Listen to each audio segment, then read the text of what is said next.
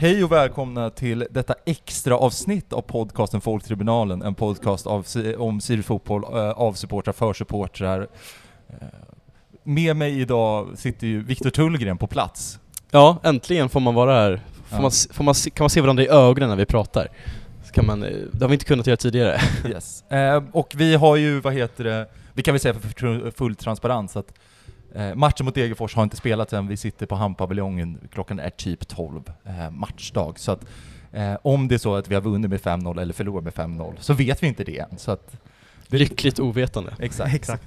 Det, det, är jobb, det är väl alltid jobbigt att spela in en podd inför match, för att man vet inte om den kommer dra, dra lyssnare eller inte, om Nej. vi så här, torskar på ett fruktansvärt sätt. Men, men strunt i det, vi sitter ju här med Jesper, eh, som är statistiknörd. Exakt, exakt. Det är jättekul att vara här. Mm. Eh, du jobbar ju på, du är Sirius-supporter kan vi börja med, det, det är det viktiga, och sen så jobbar ju du också även på Playmaker AI. Vad, vad är det för något? Ja, eh, Playmaker AI är ett eh, dataanalysföretag eh, för fotboll helt enkelt. Så vi eh, hjälper klubbar med att analysera deras eh, matcher utefter data eller rekrytering av eh, spelare med hjälp av data. Och vi har en plattform, en hemsida då, som klubbar eller våra kunder och samarbetspartner får tillgång till. Och hur funkar det? Är det att klubbarna säger kan du kolla upp den här spelen eller har de själva liksom tillgång till att göra sånt? Ja, precis. Den, man skulle kunna säga att det vanligaste eh, tjänsten helt enkelt är att man köper access till vår hemsida och så Mm. får man liksom då utifrån vad man är för typ av klubb så får man då access till eh, olika mycket data. Vi har ju till exempel i Sverige har vi då från ettan eh, till allsvenskan på här sidan och så har vi elitettan och, som är andra i dam då och eh, damallsvenskan. Och då om du spelar i ettan till exempel, då kanske du bara har ettan, möjligtvis superettan, eh, men håller mest koll på dem då. Medan om du spelar i allsvenskan, då har du kanske alla svenska serier neråt, men också att du har kanske finska ligan, eh, norska, danska, eh, Baltikum, eller de liksom områdena som är intressanta för eh, att värva spelare helt enkelt. Så det är li- lite som football manager när man väljer scoutingpaket, hur stort Ja. det ska vara liksom. Har man mer pengar desto större, större område kan man scouta. Ja exakt, de två som grundade, Ola och Jocke som grundade företaget, de är ju stora eh, football manager-fans. Jag tror Ja. att de har inspirerats en del. Kan tänka mig. Mm. Yes, men om vi, vi sprang ju förbi den här punkten Sirius-supporter lite fort. Om du berättar Mm. lite om dig själv först. Vad, liksom, how, how, hur kommer det sig att du, att du håller på Sirius och lite din, din historia där? Ja men precis. Nej men jag är född i uh, Uppsala. Uh, jag uh, gick i skola här och som många min generation, då jag är 94, så började, de flesta höll liksom på Stockholmslag. Ofta tror jag det var för att ens pappa eller ens kompis höll på Stockholmslag. Eh, min pappa och min bror håller på Hammarby till exempel, men jag fastnade liksom aldrig för det. Utan jag eh, kollade på svensk fotboll brett och sen var det då när jag gick i högstadiet, i den svängen som Sirius gick upp i Superettan första gången på länge. Nu borde jag veta exakt när det var, om det var 2007 eller 2008. 2007 var väl den första säsongen där. Kva- Kvalet till Superettan 2006 säger jag och kollar på vår publik, Ja. Jonathan Diamant här som kan sånt. Han nickar då, säger jag. Då, då började jag liksom gå, då gick jag på många matcher, då var det med en kompis främst då i klassen, så vi gick och stod liksom eh, på ståplats och eh, kollade på matcherna. Och sen när Sirius liksom åkte ur eh, Superettan där, då följde vi liksom med ner. Vi tyckte det var så kul med live-fotboll.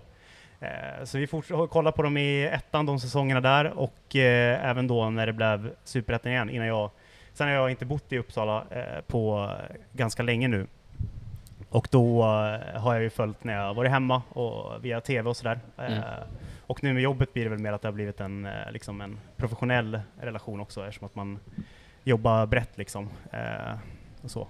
Men nej, det, är, det, det är superkul och det är kul, väldigt inspirerande att tänka på när man stod liksom på gamla träläktaren liksom när Sirius mötte Skiljebo eller något eller liksom och, och dit vi har kommit i, idag liksom. Jag kommer ihåg mycket väl när Sirius eh, spelade sista matchen mot Östersund, när jag tror att man kunde gripa liksom direktplatsen upp, men Östersund gjorde mål. Det var en nick i stolpen av någon på övertid eh, och så blev det kval och ja, det är många, många minnen. Har du alltid varit liksom, statistiknörd då, som jag skulle vilja kalla dig för? Eller har du liksom vuxit på senare tid? Har du alltid varit in- intresserad av Nej, jag har alltid varit en statistiknörd. Dels via att jag har spelat spel, men när jag var ung, då var det med att jag typ började med att jag gillade liksom att sitta och rita, skriva ner tabeller från text-tv, liksom skriva ner eh, trupper, höll koll liksom, att jag satt och kollade på typ så här eh, engelsk fotboll och så satt jag liksom och kollade på texter vilka som gjorde mål och så liksom eh, Mm. förde jag liksom att ja, men så här många assist Ashley Young gjort Aston Villa i år, typ. Alltså sådana grejer. Jag hade också typ en eh, tavla med massa så här träbrickor på typ superettan-tabellen så flyttade jag liksom Sirius upp för i omgång, hur de Mm. låg liksom sådär. Eh, mycket, mycket sånt. Och sen eh, växte liksom mer med, alltså jag har alltid haft ganska lätt för matte och då var det mer i gymnasiet som ett intresse eh, växte för eh, programmering och då var det liksom att jag började försöka programmera fotboll liksom. Ja. Eh, och det eskalerade när jag läste till eh, civilingenjör. Eh, jag tänker om vi, om vi går in på Sirius, de, det har ju liksom varit tydligt i, i kommunikationen utåt att, att det har förändrats, liksom scoutingen och sånt. Eh, har ni något samarbete med Sirius eller liksom... Nej, vi har inget eh, samarbete med Mm. Sirius just nu. Yes. Eh, men om vi går in på lite stati, liksom, stati, eh, statistik då. Ja. Eh, för det har, ju, det har ju blivit väldigt mycket mer de här bara senaste två åren. Jag tycker till exempel så är väl att Discovery ännu mer liksom kör ut statistik. Vad, vad skulle du säga är... Vad, vad, vad är det man idag, liksom den här, liksom, jag, jag som är bara en supporter, vad, vad är det vi använder statistiken rätt till och var, var använder vi den fel? Eller hur för, när förstår vi den fel? Ja, bra fråga. Nu, eh, alltså, jag skulle säga generellt att liksom, om man kollar typ fem år tillbaka och sådär så har det alltid man haft den här klassiska rutan med typ possession, avslut eh, Eh, och sånt. Och sen liksom eh, för fem år sedan när eh, företaget var liksom i sin eh, linda så var det ju väldigt liksom eh, Ja, det var inte så, här, så välmött med XG och, eh, och den här nya statistiken. Sen nu idag så skulle jag säga att det har kommit in en mer, eh, att liksom XG används ändå liksom både på allsvenska sändningar men även andra bolag Eh, i Europa och att där tycker jag att man gör rätt, speciellt när man kanske kollar över en eh, lång trend, när man kollar liksom över eh, en säsong eller kollar på en spelare, hur många mål har han gjort sett till sitt XG och sen säger den ju också någonting i den direkta matchen. Också kanske man har släppt den här, som jag tyckte det var mycket mer förut, att liksom det laget med mest bollinnehav var det bästa laget, att det var väldigt mycket fokus på det liksom att eh, att man nischar sig, att man kanske har börjat se det lite mer nytt. Sen tycker jag ibland att kanske statistiken används lite fel, att man eh, tar fram olika värden men man ger inte så mycket bakgrund till det och att kanske någonting som är högt alltid är max. Eh, och eh, ja. Så att eh, det, finns, eh, det finns mycket mer, att, mycket mer att göra.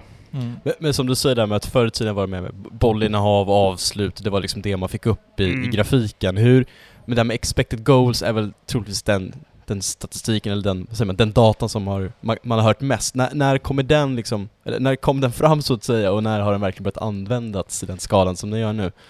Ja, precis. Den, eh, alltså den började nog komma, jag tror att de första grunderna till eh, XG man säger, internationellt var typ för tio år sedan, eh, när man började ta in eh, datan som användes mycket i USA, alltså inom baseball och basket, när den liksom fördes in i fotboll. Sen eh, eh, Eh, Ola då, eh, en av grundarna på Playmaker, han började använda den runt 2016-17, då var ju den extremt eh, ny inom fotboll. Och sen eh, när den kom in liksom i allsvensk sändning, det var ju då när Simor hade rättigheterna ungefär 2018 eller 2019 som de eh, tog in eh, XG i sändningarna och började visa avslutskartor och värdera avsluten efter eh, XG då, på den modellen som eh, vi har på Playmaker. Och det, nu har det ju gått några år, så det var ju mycket mer, alltså det kändes som att det var lite mer motstånd i början och sen har det liksom börjat sätta sig och folk börjar med fått en allmän förståelse för Mm. eh, måttet då. De som bildade, hej Jonathan förresten, eh, Aftonbladet. Nej, men, men eh, ni, ni, ert företag, är ni liksom, eller folk i Sverige, är ni pionjärer liksom i vär, fotbollsvärlden också, så det inte var så vanligt innan 2018? Eh, eller är ni liksom, ah, är det bara en trend som liksom är i hela fotbollsvärlden som även vi i Sverige liksom är, ja men vi är lika som dem ungefär? Eh, nej men jag absolut eh, pionjärer. Eh, Ola är så mycket pionjär att han står liksom på Expected Goals Wikipedia-sida, vilket är lite coolt. Han var en av de första som tog in liksom machine learning för att träna modeller inom fotboll. Och det är alltså Och- Ola Lindmark Eriksson, vi exakt. pratar om. Fantomen på uh, Lidmark. Lidmark med, förlåt. Ja, och eh, på eh, Twitter, eh, Fantomen då. Som många nog känner honom under. Och eh, sen eh, Stadsbono till exempel, som är en konkurrent till oss internationellt, de började ju i samma linda liksom. Så att eh, vi är absolut eh, tidiga. Mm. Jag, jag, om jag går tillbaka till liksom den här första, det, min upplevelse är att i och med att statistiken har blivit mer tillgänglig och att, man liksom, att den säger någonting, Mm. ehm, så framförallt mycket sportpoddar där man liksom ska köra ut, man ska prata om alla de här, vad är det? De här, alla matcherna som har liksom spelats under, under liksom den gångna eh, om, omgången. Ja, Man pratar väldigt mycket, då är det så här, ofta, de flesta liksom ser kanske, man ser två matcher på riktigt och sen ser man tre, eller ser man liksom resten, ser man highlights. Och sedan så liksom kollar man på vad statistiken är. mm.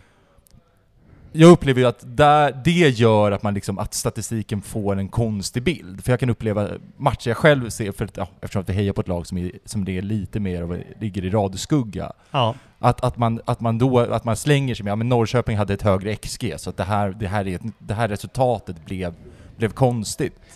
Ja precis, man måste ju inse alltså, att också XG, även om det är den liksom som korrelerar eh, bäst när det ser statistik till eh, liksom, hur många mål man gör, så är det ju mycket mer i det. Till exempel en grej som man kan tänka på med XG till exempel att om du har, eh, om Sirius har ett anfall till exempel som leder till att Kouakou skjuter och sen så får han en retur och eh, skjuter igen, kanske missar eller någon blockerar och så kommer ett tillskott över. Då är det liksom tre avslut, men det är egentligen ett, ett läge.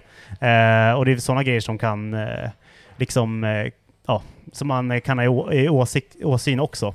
Uh, och också till exempel att om du kollar över en match så är ju en straff ett väldigt högt XG, liksom med 0,75.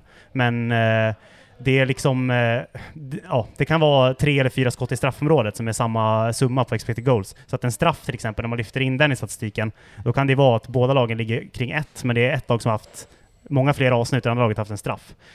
Så att det finns också sådana aspekter att ta hänsyn till. Mm. Men nu, nu slänger vi oss direkt med termen XG. Ska vi, Ja. bara, ska vi bara försöka bena ut, vad är, vad är XG?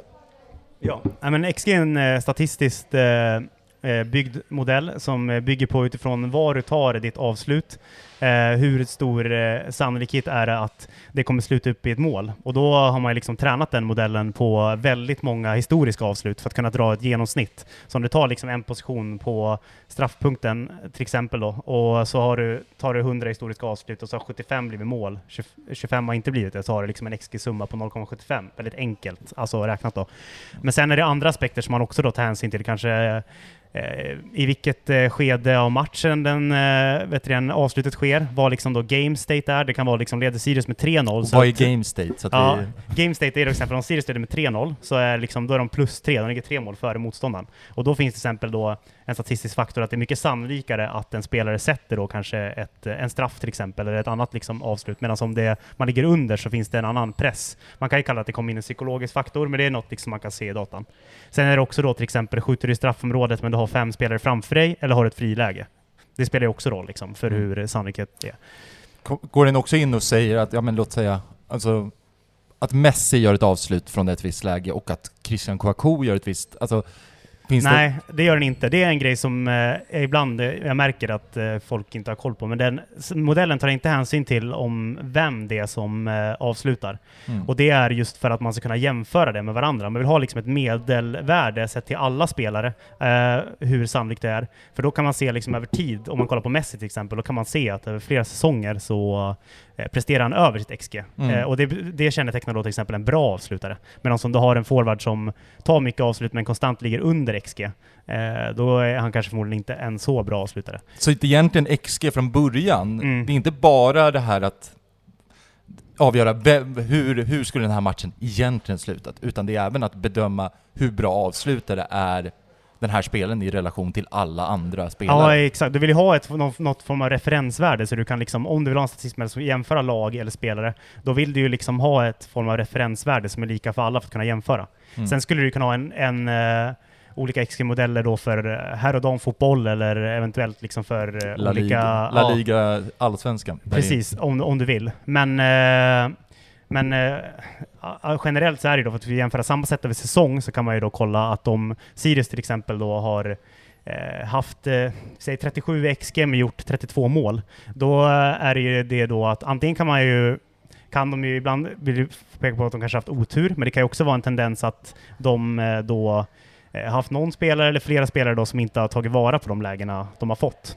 Eh, och det är samma sak om man kollar då på expected, om man bygger vidare och tar både XG för laget men också XG against för hur mycket chanser man har fått mot sig i varje match. Då kan man ju då utifrån det eh, simulera matcher väldigt många gånger och få liksom ett sannolikt utfall. Det är det vi brukar kalla expected points. Och då kan vi också då kolla över en säsong hur många poäng borde Sirius ha tagit jämfört med hur många de tog. Och då kan man ju, eh, ibland tycker jag det är upp i TV som att de har otur, men det kan också vara liksom att laget inte har tagit vara på det alltså, som man har fått. Liksom. Man har presterat under. Det kan ju vara ett tecken för att man då eh, ja, behöver en ny, eh, ja, någon ny på topp eller eh, en ny målvakt eller så. Eller att man har satt fel spelare i lägen, kan det vara. Ja, absolut. absolut.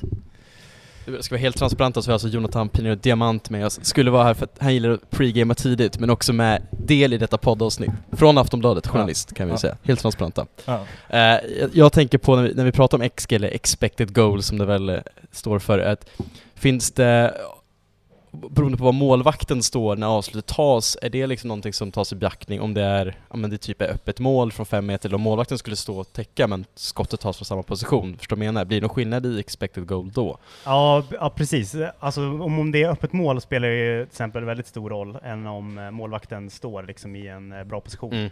Eh, sen kan det vara så att olika företag eller så använder sig av olika XP-modeller, men det är absolut någonting som Mm. tas hänsyn till. Och sen bara en snabb fråga också, när expected goalsen liksom summeras i, under matchen, hur, hur gör man? Är det någon som sitter på liksom Playmaker AIs kontor och bara nu är det s- 0,23 och nu är det 0,7 och sen summerar man ihop det, eller hur?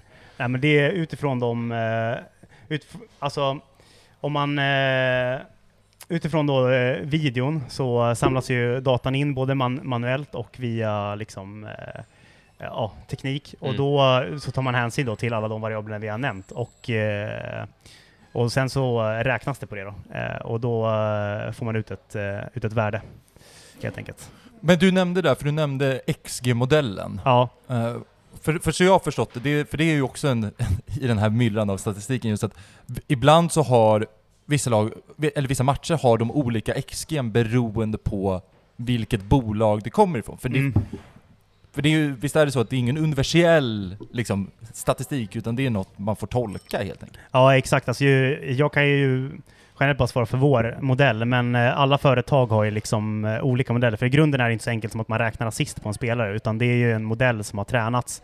Eh, och då har ju liksom olika företag eller TV eller så har ju oftast olika modeller. Sen kan det också vara så att till exempel att under en under en match så kan ju eh, de sitta då på bolaget eller någon sitta hemma också och bara rent utifrån positionen också använda liksom en av de enklaste XG-modellerna, att man utifrån vinkel och position tar reda på ett värde. Om man vill ha det liksom snabbt live. För ibland kan det vara så att alla inte har tillgång till liksom det mest komplexa förrän liksom matchen är slut och att det tar lite tid att köra skript och sånt. Så jag tror att det är ibland, jag vet inte, men jag känner som jag har sett det ibland i TV, eller att man, det kommer upp ett värde först, eller om, i en app till exempel, och sen så om du kollar på matchen några dagar senare, då kan det liksom ha ändrats typ. Och då tror jag att det är så att det sköts olika då. Yes. Eh, ska vi gå vidare? Ja, det finns ju fl- fler begrepp Mm. vi kanske behöver bena ut då, för nu var det expected goals och sen, jag skrivit upp expected assist som en grej som man, man talar om. Kan vi lite snabbt gå igenom, vad innebär, vad innebär det? Ja, expected assist, det är då egentligen att man speglar då, alltså XG-måttet på den spelaren som har eh, passat eh, fram till den som tar ett avslut.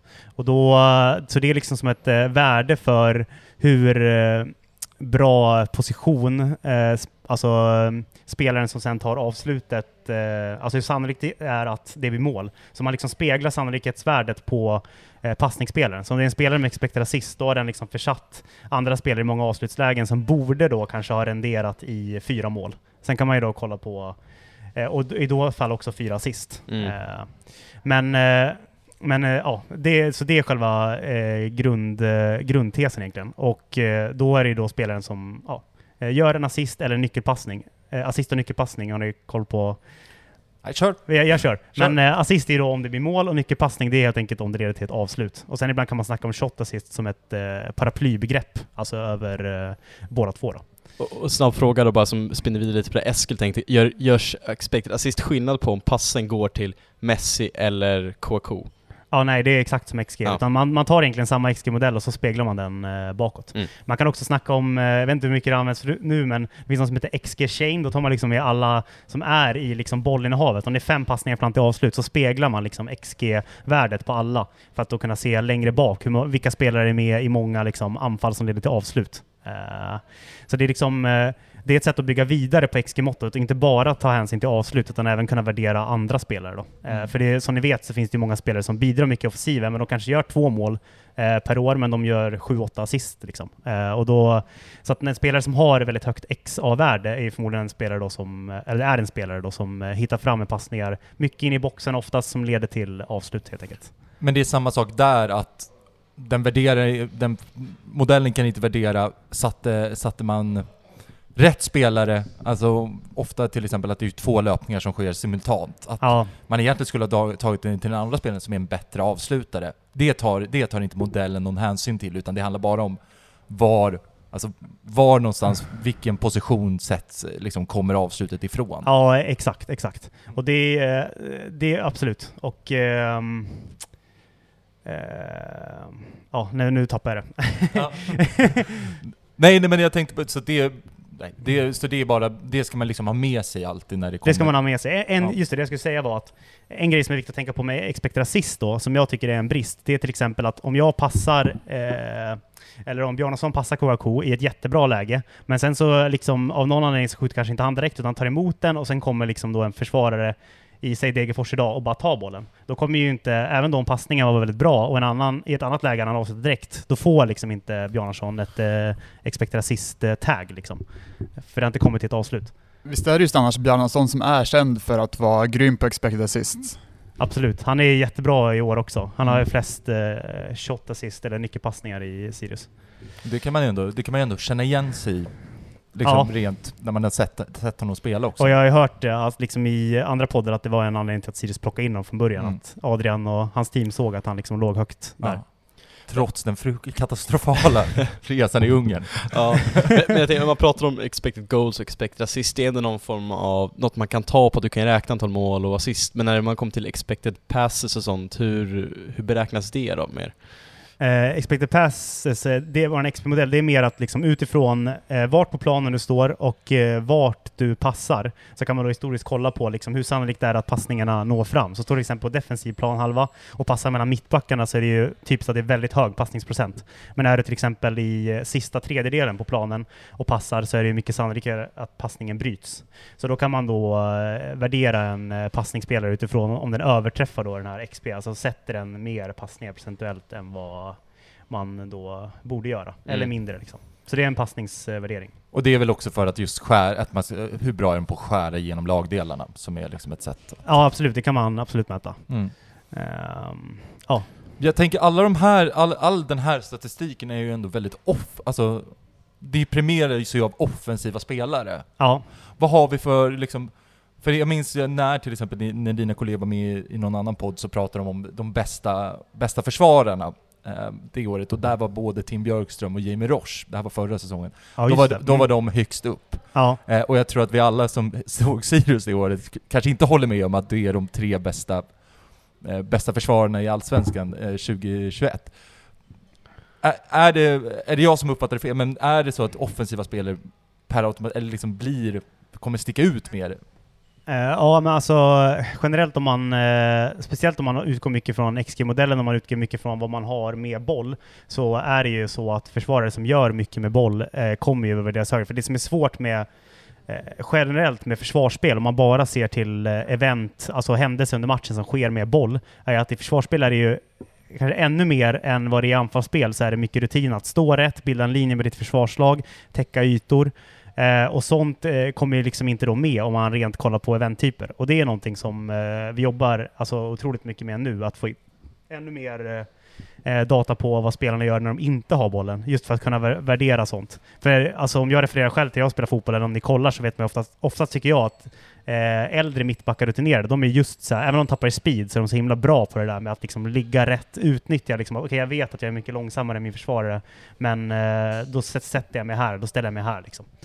Eh, och just Jamie Roche och Tim Björkström, även om man kollar i år, de är väldigt bra alltså, eh, passningsspelare om man ser till andra försvarare. Då. Eh, plus att Sirius är ett lag som eh, har mycket boll. Finns det några mått, någon så här expected, någonting som är just för försvarsspel, eller får man kolla på passningar och sånt då? Kan man kolla på ja, expected brytningar eller? Ja, nej, men det finns, det finns lite olika grejer man kan kolla på. Till exempel så, nu när vi har tagit fram våran expected threat-modell som är nästa, nästa del. Då. Eh, där kan man kolla mer på försvar. Eh, så att, eh, ja, det är en väldigt bra brygga. För en grej som är en brist då med XGL som man kan tänka det är att om ni tänker avslut i en match, så är ungefär avslut är ungefär kanske 1-2 procent eh, av andel av alla event som sker i en match. Och event, då menar jag då kanske en tackling, en passning eller så. Eh, alltså det som sker runt bollen. Eh, men om man ska bygga då en modell över bara då de här 1-2 procenten, så XG vet vi funkar väldigt bra generellt, men man kan, det finns en då förbättringspotential. Eh, och då finns det något som heter expected threat som togs fram eh, för 2018-2019 av en eh, person som eh, jobbar för Arsenal nu. Och eh, det är ett mått då som bygger på alltså, allting som görs med eh, bollen eh, under liksom ett lags bollinnehav. Så då tar man också hänsyn till passningar, alltså drivningar av bollen, dribblingar eh, och avslut. Och det är istället då ungefär runt mellan 70 till 75 procent av alla event i match. Så det är en betydlig ökning. Men den funkar precis som XG, att man utifrån eh, vilken position du har i planen, så har egentligen en spelare Antingen kan spelaren välja att passa, han kan välja att driva, eller han kan välja att skjuta. Det är liksom vad han vill. Han vill ju inte tappa bollen, utan det är liksom de besluten han kan göra. Eh, och utifrån det då ska man kolla att utifrån var på plan spelaren är, eh, vad är då sannolikheten att bollinnehavet eh, kommer att leda till ett mål? Om eh, Kouakou har bollen liksom två meter från mållinjen, då är det ju väldigt sannolikt att det kommer att bli mål. Men eh, har en spelare bollen i eh, eget straffområde eller vid, eh, på mittplan, då är det mycket lägre sannolikhet att eh, bollen kommer leda till mål. Eh, och det måttet då kan man eh, använda för att värdera ja, hur, eh, hur bra spelare agerar, vilket värde de tillför helt enkelt eh, till, till laget i bollinnehavet. Hur mycket bidrar man till att göra lagets bollinnehav farligare och mer ja, men, leda till mål, alltså värdefullt helt enkelt. Mm. Och du kan även vända på det och kolla på försvarsspel. Jag vet inte om hängde ni med i min beskrivning, alltså just anfallsspel? Mm, absolut. Eh, för en grej som jag skulle vilja lägga in där då till exempel, för jag är, kollar inte så mycket på expected assist längre till exempel, och det är just för att XT är en otroligt bra passningsmodell. Så då kan man ju kolla då på hur värdefulla, hur mycket hot skapar då en spelare eh, utifrån sitt passningsspel? Och då värderar inte den bara då assist eller nyckelpassningar, utan den tänker då att till exempel en spelare står utanför straffområdet, slår en riktig genomskärare eh, till en spelare som kommer fri målet, men istället för att skjuta så väljer kanske då KK att spela snett inåt bakåt till eh, Paka som bara slår in den öppet mål. Då kommer inte den här, genom, den här snygga genomskären som Jamie Roche stod, den kommer inte få en expected assist-värde. Men den har Mm. ett väldigt bra XT, för det var den som gjorde skillnaden, alltså i själva possessionet. Mm. Eh, så då kan man också då värdera tredje, fjärde pass och på samma sätt då om jag passar in i straffområdet då till KK som inte väljer att skjuta direkt utan tar emot den och sen blir av med den. Så Mm. får den liksom ett XT-värde för att passningen gjorde skillnad. Eh, och det kan du då göra på exakt samma sätt, för det handlar egentligen om förflyttning från A till B. Så då kan man egentligen kolla på då om en spelare väljer att driva den långt, alltså eller dribbla förbi flera spelare, eh, vilken skillnad den gör.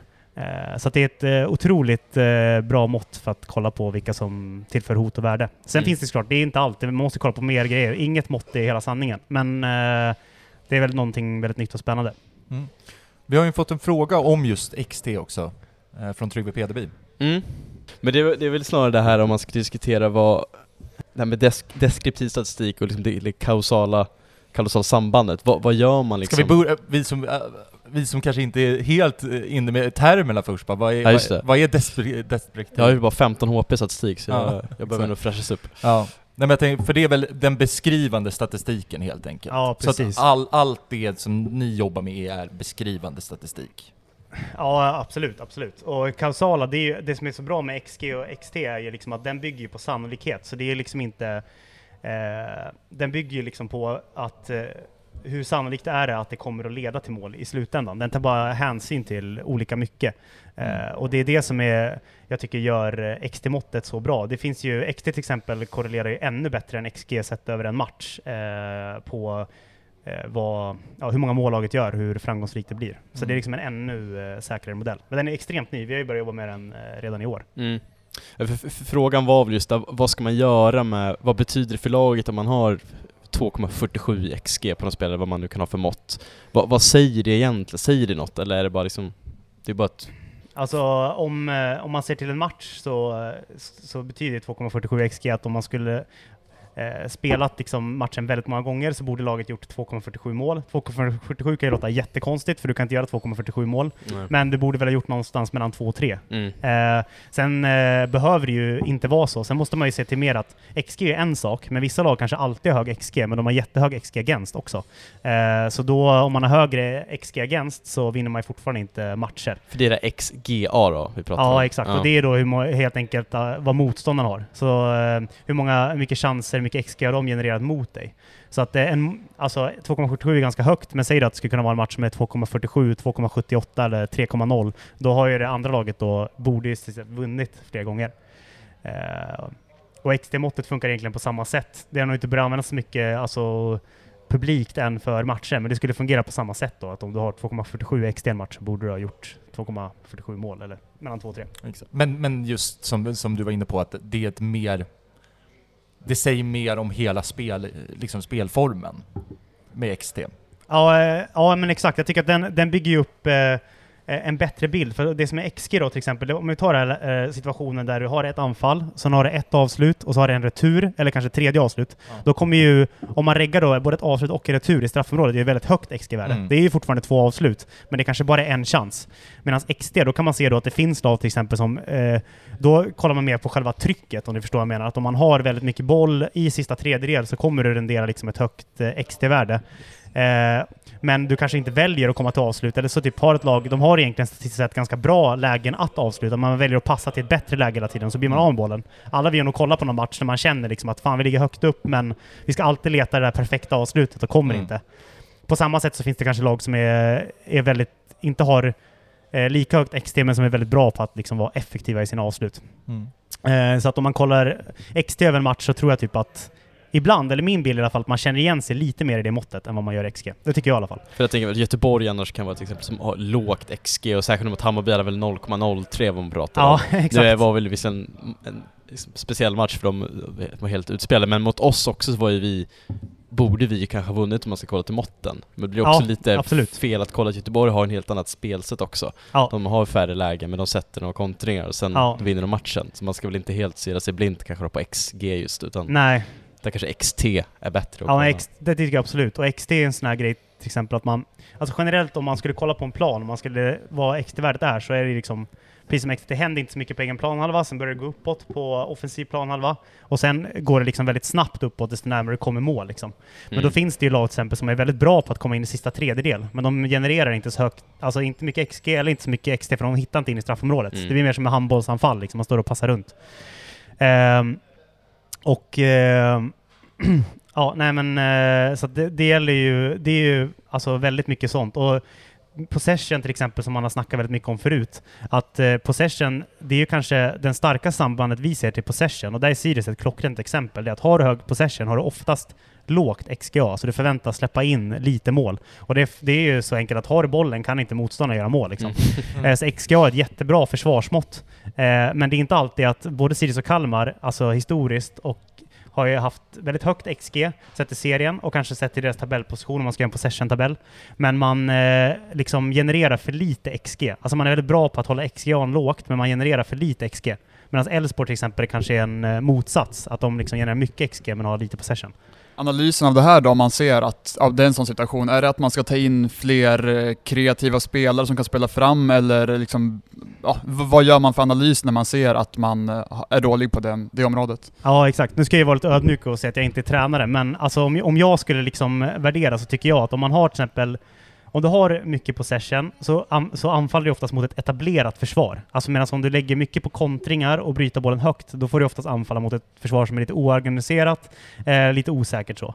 Och då skulle jag säga, precis som du säger, att då behöver man liksom spelare som kan göra sin gubbe, som kan liksom hitta in den här oväntade instickaren för att liksom skapa chanser. För det kräver ännu mer att liksom komma till bra lägen om du hela tiden får eh, Ja, alltså anfalla mot en parkerad buss. Det är därför lag parkerar bussen liksom. Men Kanske återigen, du är ingen tränare, men vad tänker du kring Sirius här nu då, utan Seidan? Det var det som var problemet hemma mot Göteborg kanske, när ja, men Sirius hade mycket boll runt Göteborgs straffområde, men inte liksom... Ja, det blev, blev bara ett mål, och Seidan var inte med i den matchen. Vad tänker du om det mot bakgrund av att Zeidan inte är kvar nu? Ja, det är en jättebra faktor. Alltså, det är en väldigt bra segway också in på Sirius faktiskt. Mm. Om vi Jag tänker- dit. Ja, jag tänker att vi ska ta en liten paus. Eh, en sista fråga jag har, om, om vi bara tar det här liksom statistikmåttet, det är ju till exempel att Marcus Mathisen får ju väldigt hö att han är väldigt bra på att bryta, alltså han får höga, alltså rent kvanti han har kvantitativt gjort mycket. Ja. Hur ska man värdera, hur ska man värdera den saken? Ja, Mathisen är en liten favoritspelare för mig också, Ja. för att han är så bra på just det. Men han är väldigt bra på att vinna tillbaka bollen, vilket är alltså väldigt eh, viktigt. Han är också väldigt bra på det här progressiva eh, alltså passningsspelet. Eh, och eh, jag skulle säga att Ma- Mathisen är så här, eh, en klockren spelare som är så här uh, han är otroligt viktig för Sirius och han, jag skulle säga att han skulle kunna gå in och ta en startplats i nästan vilket lag i Allsvenskan som helst, i alla fall bidra. Eh, men eh, han kanske inte gör så mycket av det här, eh, alltså det här sista, det här klassiska. Alltså han eh, står inte för de viktiga liksom, avsluten och målen. Men eh, han är väldigt bra för liksom, själva grundbyggandet av laget. Han Mm. bidrar otroligt mycket där. Bra med på att hitta in med bollen på offensiv planhalva. Med bra passningar. Ja, precis. Nu har vi gått igenom med vad som är statistik och vad de här olika begreppen är. Är det något, det är väl expected goals, expected assist, expected threat, expected passes, passes som jag har sagt. Är det något som du känner Jesper som är, det här måste man kunna för att förstå det vi ska prata om härnäst, nämligen vad man gör med statistiken? Nej, men jag tror att vi har täckt det ganska bra. Jag Snyggt. tror vi får, eh, vi kan eh, glida tillbaka om Ja. det är något som är oklart. För då tänker jag att vi kanske tar en liten paus där så går vi igenom statistik sen.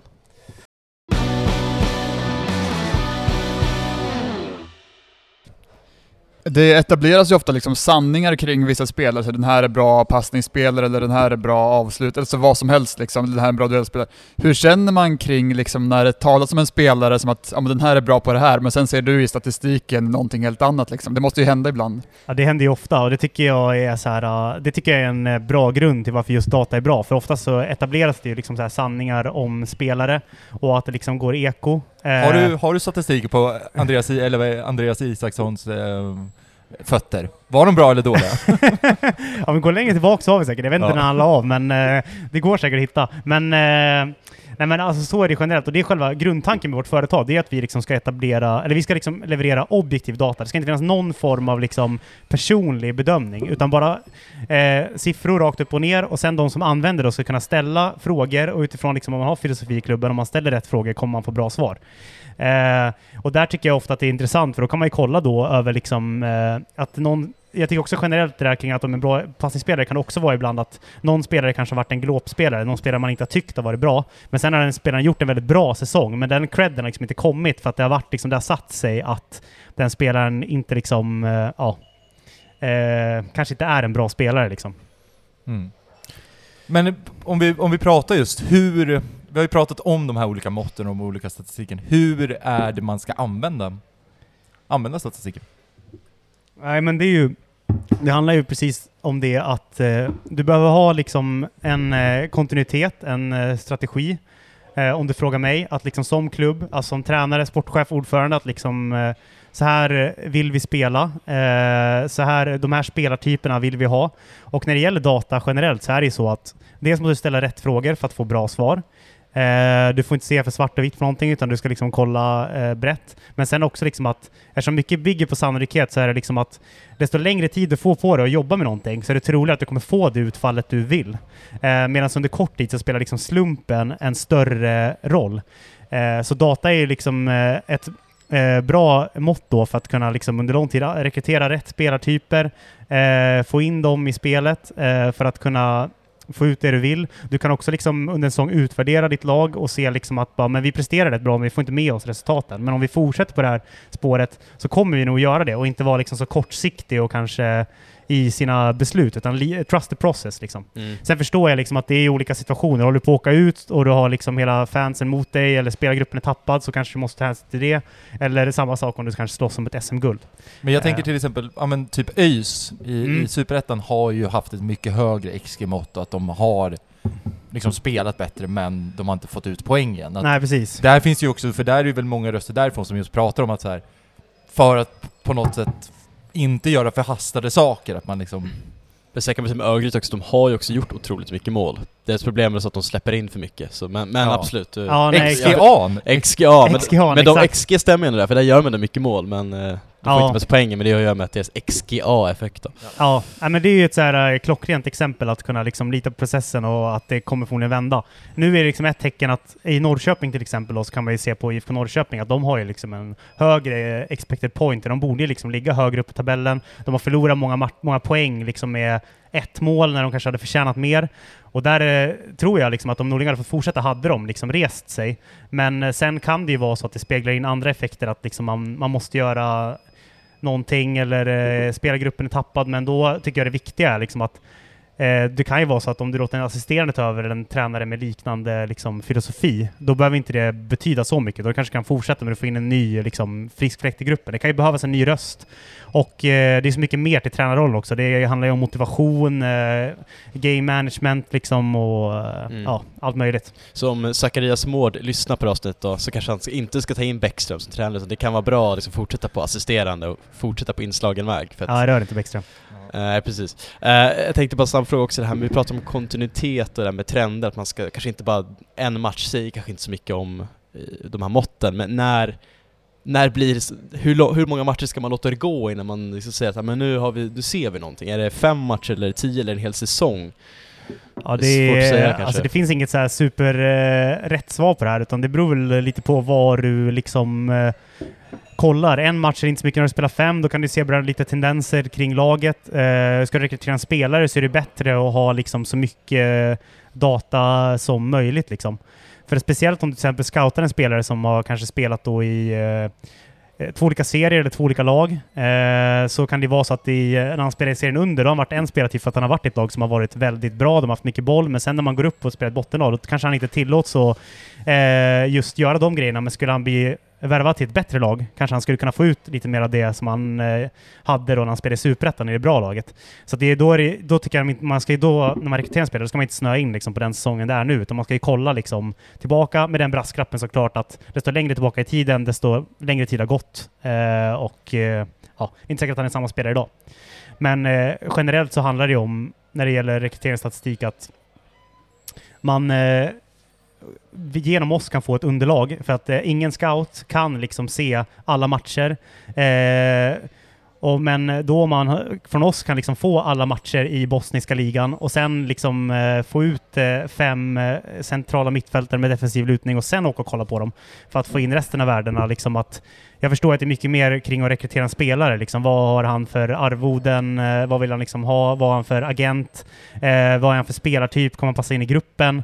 Eh, vill han flytta till eh, Sverige och ja, det är kanske lättare att integrera en eh, isländsk spelare om man har en isländsk spelare i truppen, eller det är lättast att rekrytera en norrman jämfört med någon som kommer från Afrika. Alltså det finns så många effekter liksom. Mm. Men eh, om du får en mycket objektiv datagrund så får ett sånt mycket bättre utgångsläge och då kanske du inte heller på klubben att det är billigare då att eh, ha ett datapaket som kommer vara mer lönsamt för klubben än att typ rekrytera tio scouter. Då kanske du kan ha två scouter och ha liksom eh, några dataanalytiker till exempel. Eh, och eh, det är väl där det handlar om i slutändan, liksom att eh, du vill få ut så mycket utav eh, kassan som möjligt och om det är något som också korrelerar bra eh, kring fotboll är det ju oftast att de klubbarna med mest pengar i Europa eh, presterar bäst över tid. Eh, och då vill man ju över, alltså vad kan man göra för att komma runt det? Och då tycker jag att data är ett jättebra eh, verktyg. Ja, och det är väl samma, alltså, om man pratar i den civila världen så är ju just en felrekrytering är ju kanske det dyraste man kan göra. Ja, precis. precis. Så det är ju även ett sätt att liksom maximera.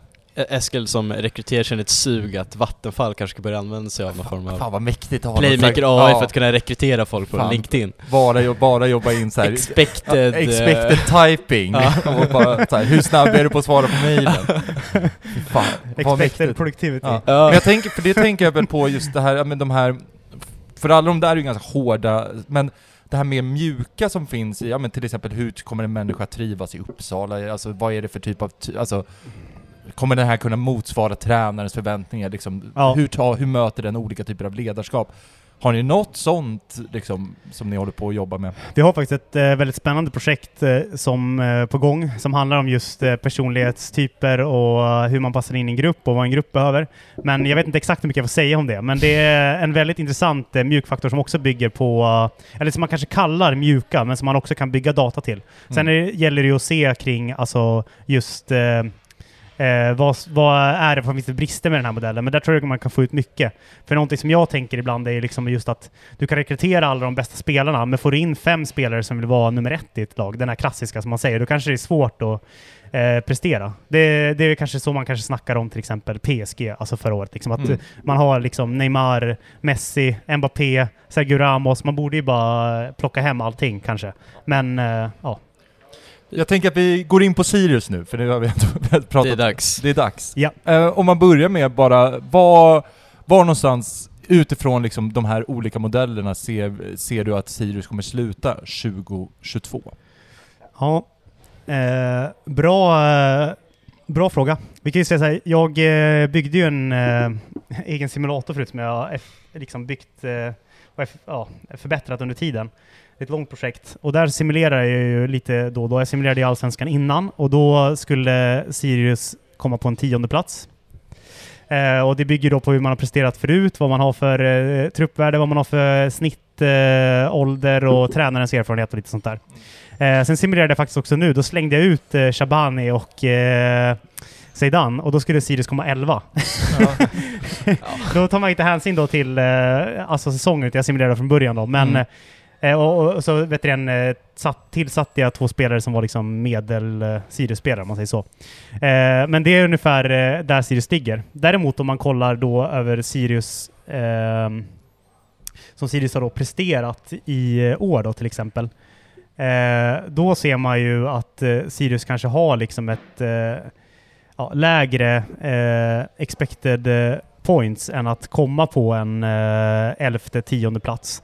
Utan eh, då ligger man eh, istället på typ ungefär en 12, ja, 12, 12 eller 12 ligger man på just nu då. Så- så eh, men alltså- nästan 11. Så, så det är ungefär alltså- samma. Vi har tagit mer poäng än vad vi borde enligt statistiken då. Ja, exakt. Det. Och det, det är ju för att man överträffar sitt eh, XG Och- eh, än så länge. Vad Eh, ligger vi på, på, på expected goals? Ja, i våra modell här så har vi då 11,91 i expected goals. Och det är man, totalt av alla matcher? Ja, och man har Ja. gjort 15 mål. Ja. Eh, och Kouakou har ju överträffat, och eh, Bjarnason till exempel, de eh, överträffar ju sitt XG. Så att de Mm. har ju då bidragit väldigt mycket till den positiva effekten. Och då ska det ändå sägas att Sirius då också under, alltså man har släppt in må, mer mål än sitt XGA. Mm. Dessutom. Fattar. Vad, men liksom, för, för min upplevelse är när man kollar att, att Sirius ofta har kommit, eh, kommit högre upp än sitt expected po points.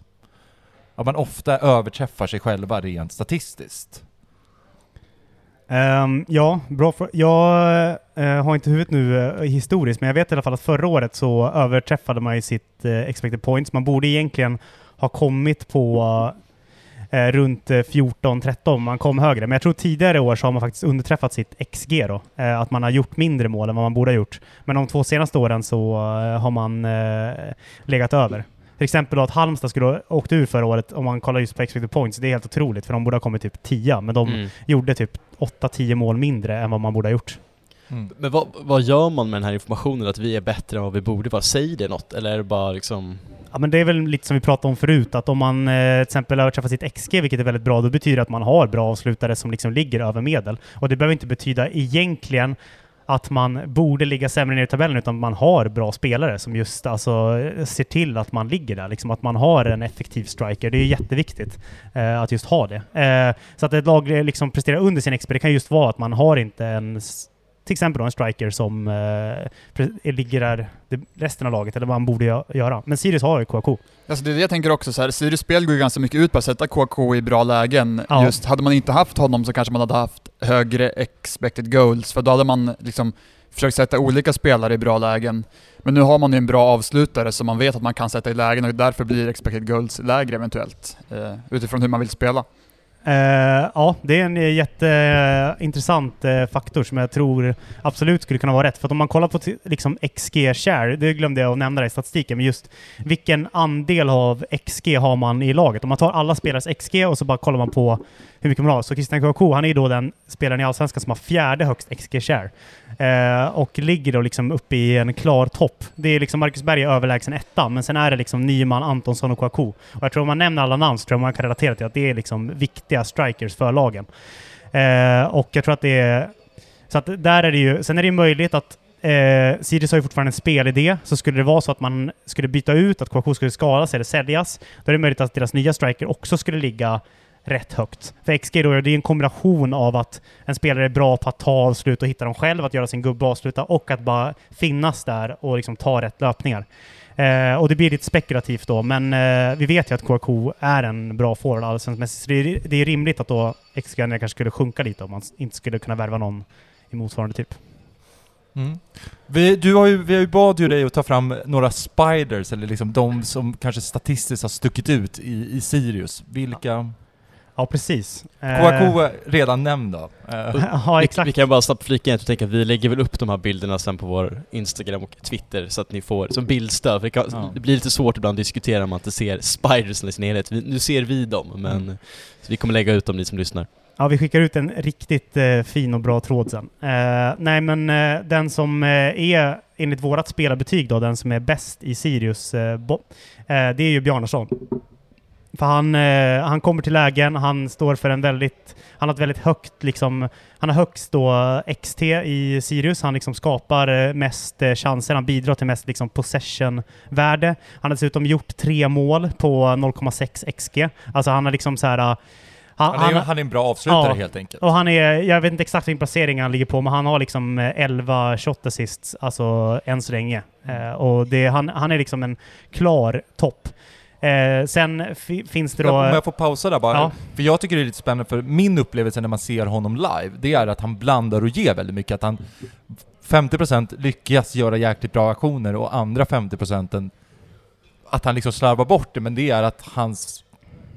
De gånger han lyckas så är det, är det väldigt bra. Ja, exakt. Då är det väldigt viktigt. För det är en väldigt intressant faktor som att vi, ibland kan man snacka om passningsprocent till exempel. Jag vet att eh, Bjarnason har typ, alltså av de spelarna som har spelat till ja, 400-500 minuter, alltså som har spelat liksom markant, så tror jag Bjarnason har sämst, eller näst sämst passningsprocent i hela Sirius. Men det är ju för att han nog slår mycket av de här eh, riskabla passningarna han försöker hitta in. Och det är också ett sätt att visa då att passningsprocent, ja det säger ju någonting, men eh, alltså han, när han lyckas så är det så otroligt mycket värt. Och det är viktigt att ha de spelarna som just eh, vågar ta och hitta rätt. Jag vet till exempel att Kevin De Bruyne i Premier League, han har inte så eh, hög passningsprocent, men det är också för att han ligger högt fram och han vågar slå de här genomskärande passningarna. Eh, utöver honom så, om man kollar ut på chansskapandet så har ju eh, Lauren Shabani varit eh, och eh, Zeidan varit jätteviktiga för, eller alltså de har stått för en stor del. Och där tycker jag att det då. Det var ju trist.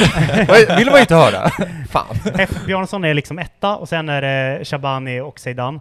Och eh, som ligger båda högt. Men där är också en grej som är viktigt att komma ihåg att eh, det kan ju, alltså när man kollar på XT-siffrorna så är det också en del av Sirius spelidé, hur man vill hitta lägen eh, och vilka spelare man vill använda. Om det är att man vill använda liksom en tia eller spelarna på kanten, alltså då om man kollar på Shabani och Bjarnason. Så att där är det liksom inte omöjligt att en ny spelare kommer in och levererar liknande. Så kan det ju vara liksom. Vi har, jag har ju Eh, backupen liksom har inte spelat tillräckligt mycket, så det kan, det behöver inte betyda att det blir dåligt. Men eh, om man kollar liksom, eh, ut, på utfallet så är de eh, otroligt viktiga. Eh, och eh, ja, och utöver dem, jag ska nämna någon spelare som sticker som gjort bra, då är det just Mathisen. Alltså han är väldigt bra på um, dels att eh, föra bollen framåt, man kollar rent på passes progression liksom. Men sen också att han är jättebra på försvarsmåtten. Han vinner bollarna, han står för mycket då extra preventer som vi pratar om nu, att avsluta anfall i eh, och liksom eh, motverka motståndarlagens eh, genomskärare och liksom dribblingar som skulle då gett ett väldigt Mm. bra utfall. Men som vi bara snabbt backar bandet där med att Shabani och Zidane ligger två och trea då, om jag förstår Mm. det, liksom i, i bäst, så kan det mer kanske göra, om vi nu vara lite optimistiska, att det är de positioner de spelar på och det sättet Sirius spelar med att man har väldigt offensiva wingbacks. Ersätter man Shabani en annan wingback så kommer den då kanske kunna ha samma värden för att den spelar på det sättet och samma sak med, med Ja, då, om vi Och ska vara där- lite och- pos- och- positiva. Exakt, och där kommer ju datarekryteringen bra in som jag är helt övertygad om att Sirius har tänkt på. Men då kanske man vill hitta då en försvarare som är lik Shabani eller över tid, kan, alltså i framtiden kan vara det, som bidrar med samma, så man får liksom rätt spelartyp på wingback. Som liksom då kan komplettera Mm. och liksom ersätta det som Shabani har gjort. För det är en grej att komma ihåg med data, liksom att på spelare som inte spelar någonting annars i laget om man skulle plocka upp en ersättare underifrån. Det är att liksom, det är svårt att värdera en spelare om man gör liksom typ så här fyra matcher eller tre inhopp på ett år. Liksom. Eh, och där är det ju mer kanske att man måste eh, kolla på tidigare säsonger eller ja, följa träningar eller, trä eller matcher som inte eh, vi har data på. Typ U21-serien eller eh, juniorsvenskan eller vad den Mm. spelaren spelar. En spelare jag tänker på som skulle, jag tycker ska ha högt XT, det är ju eh, Jamie Roche. Hur, hur, hur är han, vad har han presterat hittills i år? Eh, ja, nej men han, han ligger eh, inte i eh, en liksom absolut eh, eh, topp, om man säger så. Det var de spelarna som jag nämnde. Ja. Utan, och utav innermittfältarna så bidrar inte Jamie Roche liksom heller lika mycket med de här alltså avgörande extrapassningar. Däremot om man Mm. kollar på liksom passes progression, att liksom föra bollen högt upp i plan på liksom defensiva planhalvan och till sista tredjedel. Där ser man att Jamie Roche gör ett betydande jobb. Också då eh, Mathisen till exempel. Men, eh, och det tror jag men också är kanske att eh, Jamie Roche inte agerat liksom lika mycket kanske just som då en Zidane har gjort centralt, alltså i offensiv zon. Liksom. Mm. Eh, så det betyder liksom inte att... Så, ja, han slår inte de avgörande passningarna, men han bidrar väldigt mycket i att liksom föra upp Men bollen. han är bra i chainen. Ja, exakt. Ja. exakt. Och han har ju gjort en väldigt fin eh, säsong. Jag tror att han har... Det är han och eh, Björkström som liksom ligger högst i passningsprocent, som liksom inte fördelar bollarna fel. Och de är ju liksom väldigt viktiga i liksom själva... Om man kollar på pass network, i själva nyckeldelen. Så att, och man ser ju en progression på Jimmy Roche i år jämfört med förra året. Så jag tycker det ska bli väldigt spännande att följa honom eh, utöver tid. Framöver. Ja, är det några till spelare du vill, vill nämna som sticker ut eller har vi liksom gått igenom de flesta? Annars har vi några, en del vet att- frågor och spiders vi gärna vill Ja. se här som vi ska kunna Ja, diskutera. vi tar det. Ska vi börja med det? Ska, ska vi börja bara Eskil med, med frågorna vi fått in tycker du? Och så Ja, får vi bara beta på. av dem så får vi se vad, vad du har tagit fram statistik på så Ja. försöker vi diskutera. Uh, tyvärr har jag inte sparat namnen på vilka som har ställt frågorna men ni som vet, ni vet väl. Men första frågan var helt enkelt eh, Spider på Hannes Svejer i, i Sandviken då, i division 1 och sen också om det gick då att få fram Spider på någon liknande division 1-spel som sen har tagit steget till högre serie och hur man har presterat Just det. presterat där. Eh. Jag tänkte vi kan ju börja med för Hannes Weijer kanske man, man kan säga någonting om hans säsong i, i Sandviken Mm. som väl leder de norrättan nu, eller hur är det? Är det Gävle som har? Fem poäng för Ja. uh, Gävle. Gävle IF. Ja. Eh, när det gäller Hannes Weijers säsong, han är en av de eh, målvakterna som ligger liksom i toppskiktet. Sen det som man ska... Han eh, liksom eh, räddar... Eh, alltså man ser till XG så liksom överpresterar han eh, lite liksom sett till vad han släpper in. Han har också en... Eh, Vad innebär det då? Att ja, han... men eh, om man kollar på just när avsluten tas och eh, liksom hur mycket XG du får emot dig, så liksom ligger han... Han ligger liksom inte på en förväntad linje, utan han räddar liksom lite mer, alltså sett till chanserna. så han tar så- bollar som han inte egentligen ska ta? Ja, exakt, exakt. Så han ligger liksom på en, om man kollar på de målvakterna som ligger, så ligger han liksom precis bakom det här övre skiktet. Vi tog ju ut ett lag här i ettan och då vet jag att han var liksom precis utanför topp fem, så han presterar bra. Mm. Det som är grejen med Hannes kollar, han har liksom till exempel då, enligt våran då mistakes-modell, han har inte gjort ett enda misstag, alltså sett till eh, tabbar eh, för målsposition. Han har... Eh, Det är ju lite förvånande. Det, det, det var ju inte den upplevelsen när han spelade i Sirius här senast. Nej.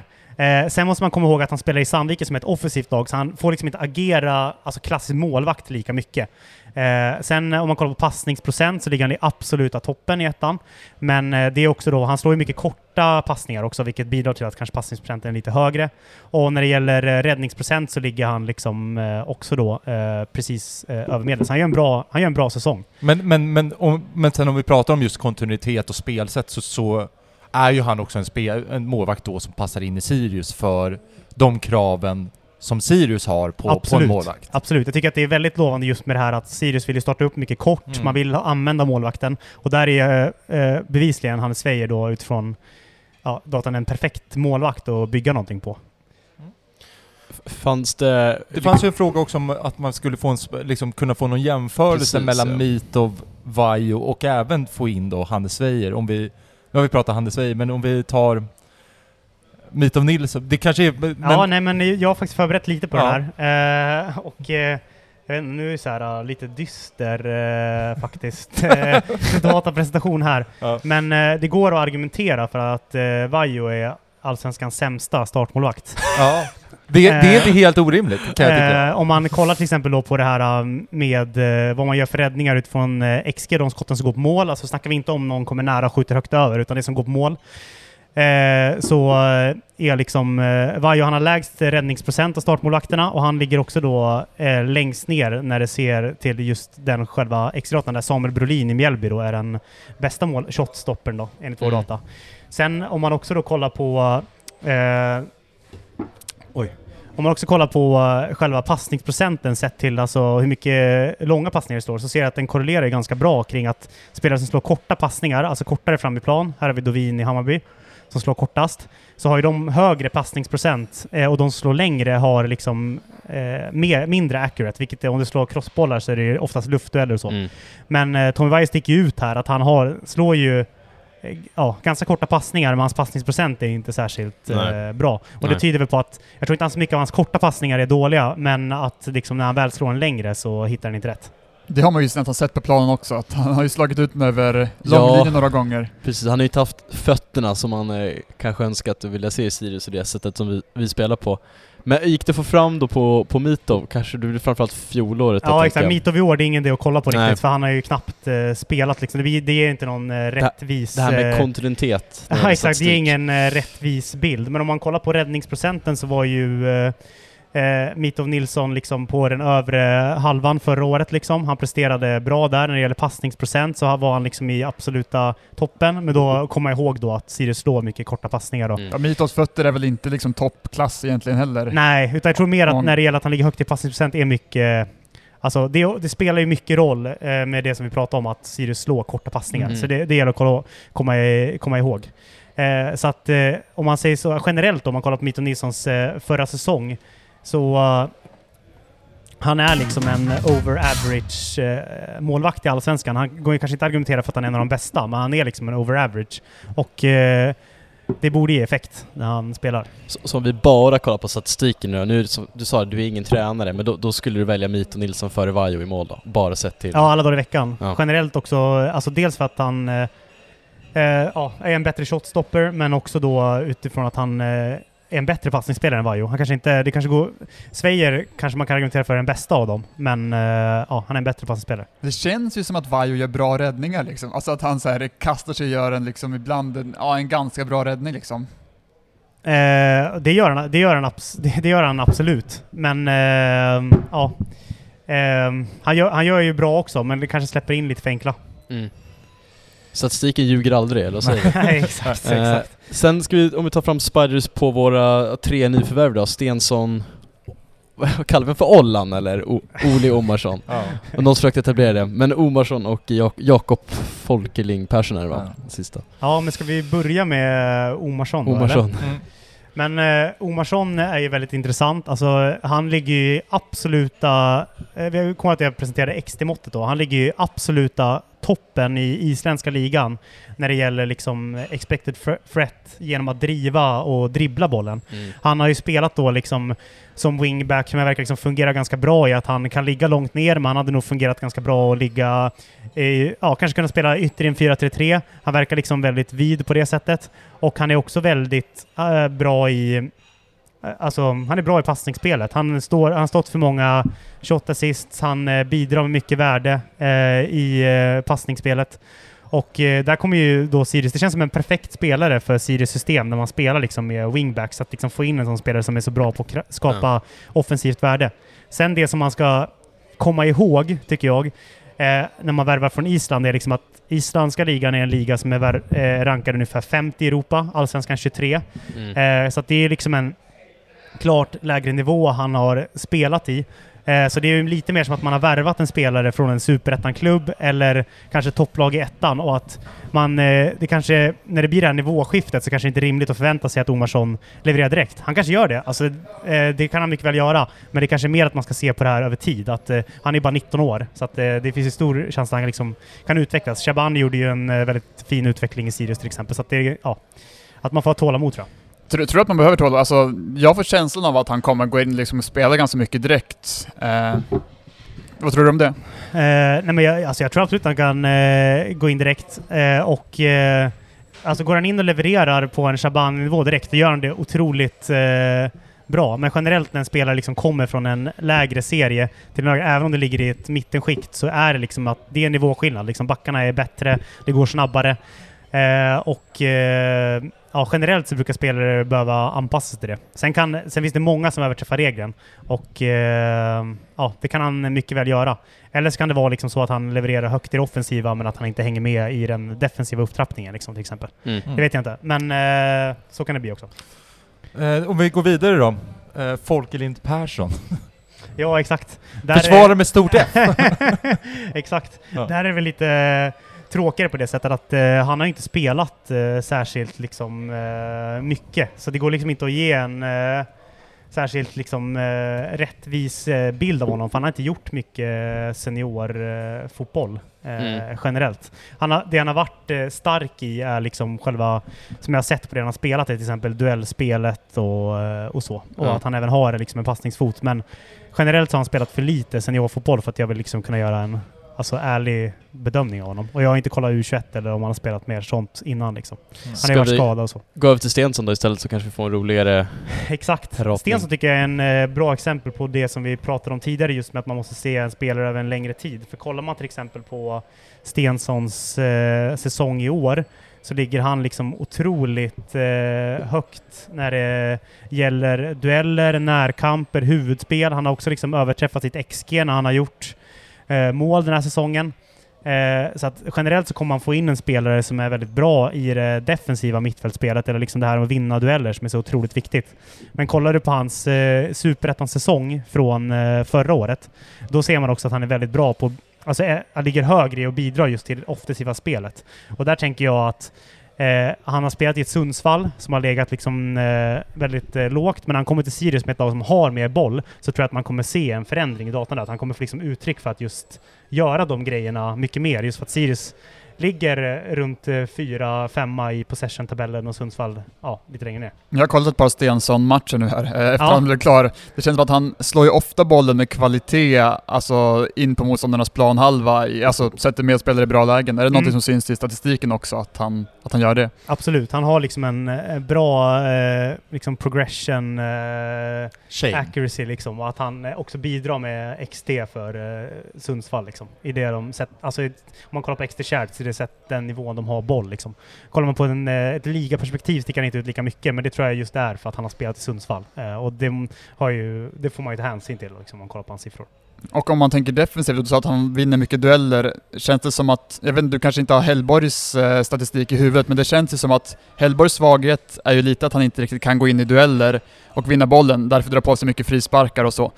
Eh, tror du att det kan vara ett, liksom ett viktigt lyft för Sirius att få in eh, Stensson som sexa istället för Hellborg, just av den defensiva anledningen också? Ja, jag tror att det skulle kunna vara exakt det. Det är det jag tänkt, att man nog kommer kunna använda honom i den där sexarollen och få ut eh, de offensiva delarna också. Eh, och att eh, jag tror också att han skulle kunna komplettera nu kanske inte han vill spela mittback som Mathisen har gjort en del, men jag tror också han skulle kunna komplettera typ Mathisen om han skulle försvinna helt. Nu tror inte jag han kanske gör det i sommar, jag vet inte, men att han är liksom, han skulle kunna växa in och ta över en sån roll också. Ska vi gå med, vidare på mer Spiders då när vi ändå är inne på Ja, det? kör på. Eh, Jocke Persson i, numera i Braga, utlånad. Han har ju en fin spider har jag hört. Ja, alltså Ja. Joakim Persson är ju helt otrolig. Eh, fin säsong. Vi eh, tog ut, vi tar ut för Playmaker så tog vi ut ett så här uh, vårens lag bara byggt på uh, data i uh, ja, alla eh, svenska serier, alltså elitserier då. Alltså Ja. ettan, eh, superettan, allsvenskan, damallsvenskan och elitettan. Och då, eh, han kom ju med då som eh, i superettan 11 just för att han är liksom en av de bästa på sin position. Han har varit en väldigt bra avslut sitt XG, men just också till om man kollar på det här XT-måttet, att han har varit väldigt bra på att bidra med possession-värde, han är bra på driva bollen eh, rätt, liksom hitta ut den, eh, liksom, ge värde, hitta till mer farliga lägen. Han är bra på att hitta de där eh, passningarna och eh, även liksom dueller sett till den positionen han spelar. Så han har haft en fantastisk progression. Han är en av de bästa spelarna i Superettan. Han är med på vår topp 15-lista på just betyg. Jag tänker att han spelar ju i en annan roll i Brage än vad man tänker att han ska göra i Sirius. Ja, Ehm, utifrån statistiken, på, eller liksom, det, har, han liksom, har han de styrkorna som man ska ha som en Sirius-anfallare eller hur? Han är alltså vänsterytter i ett 4-4-2 just nu i Brage. exakt.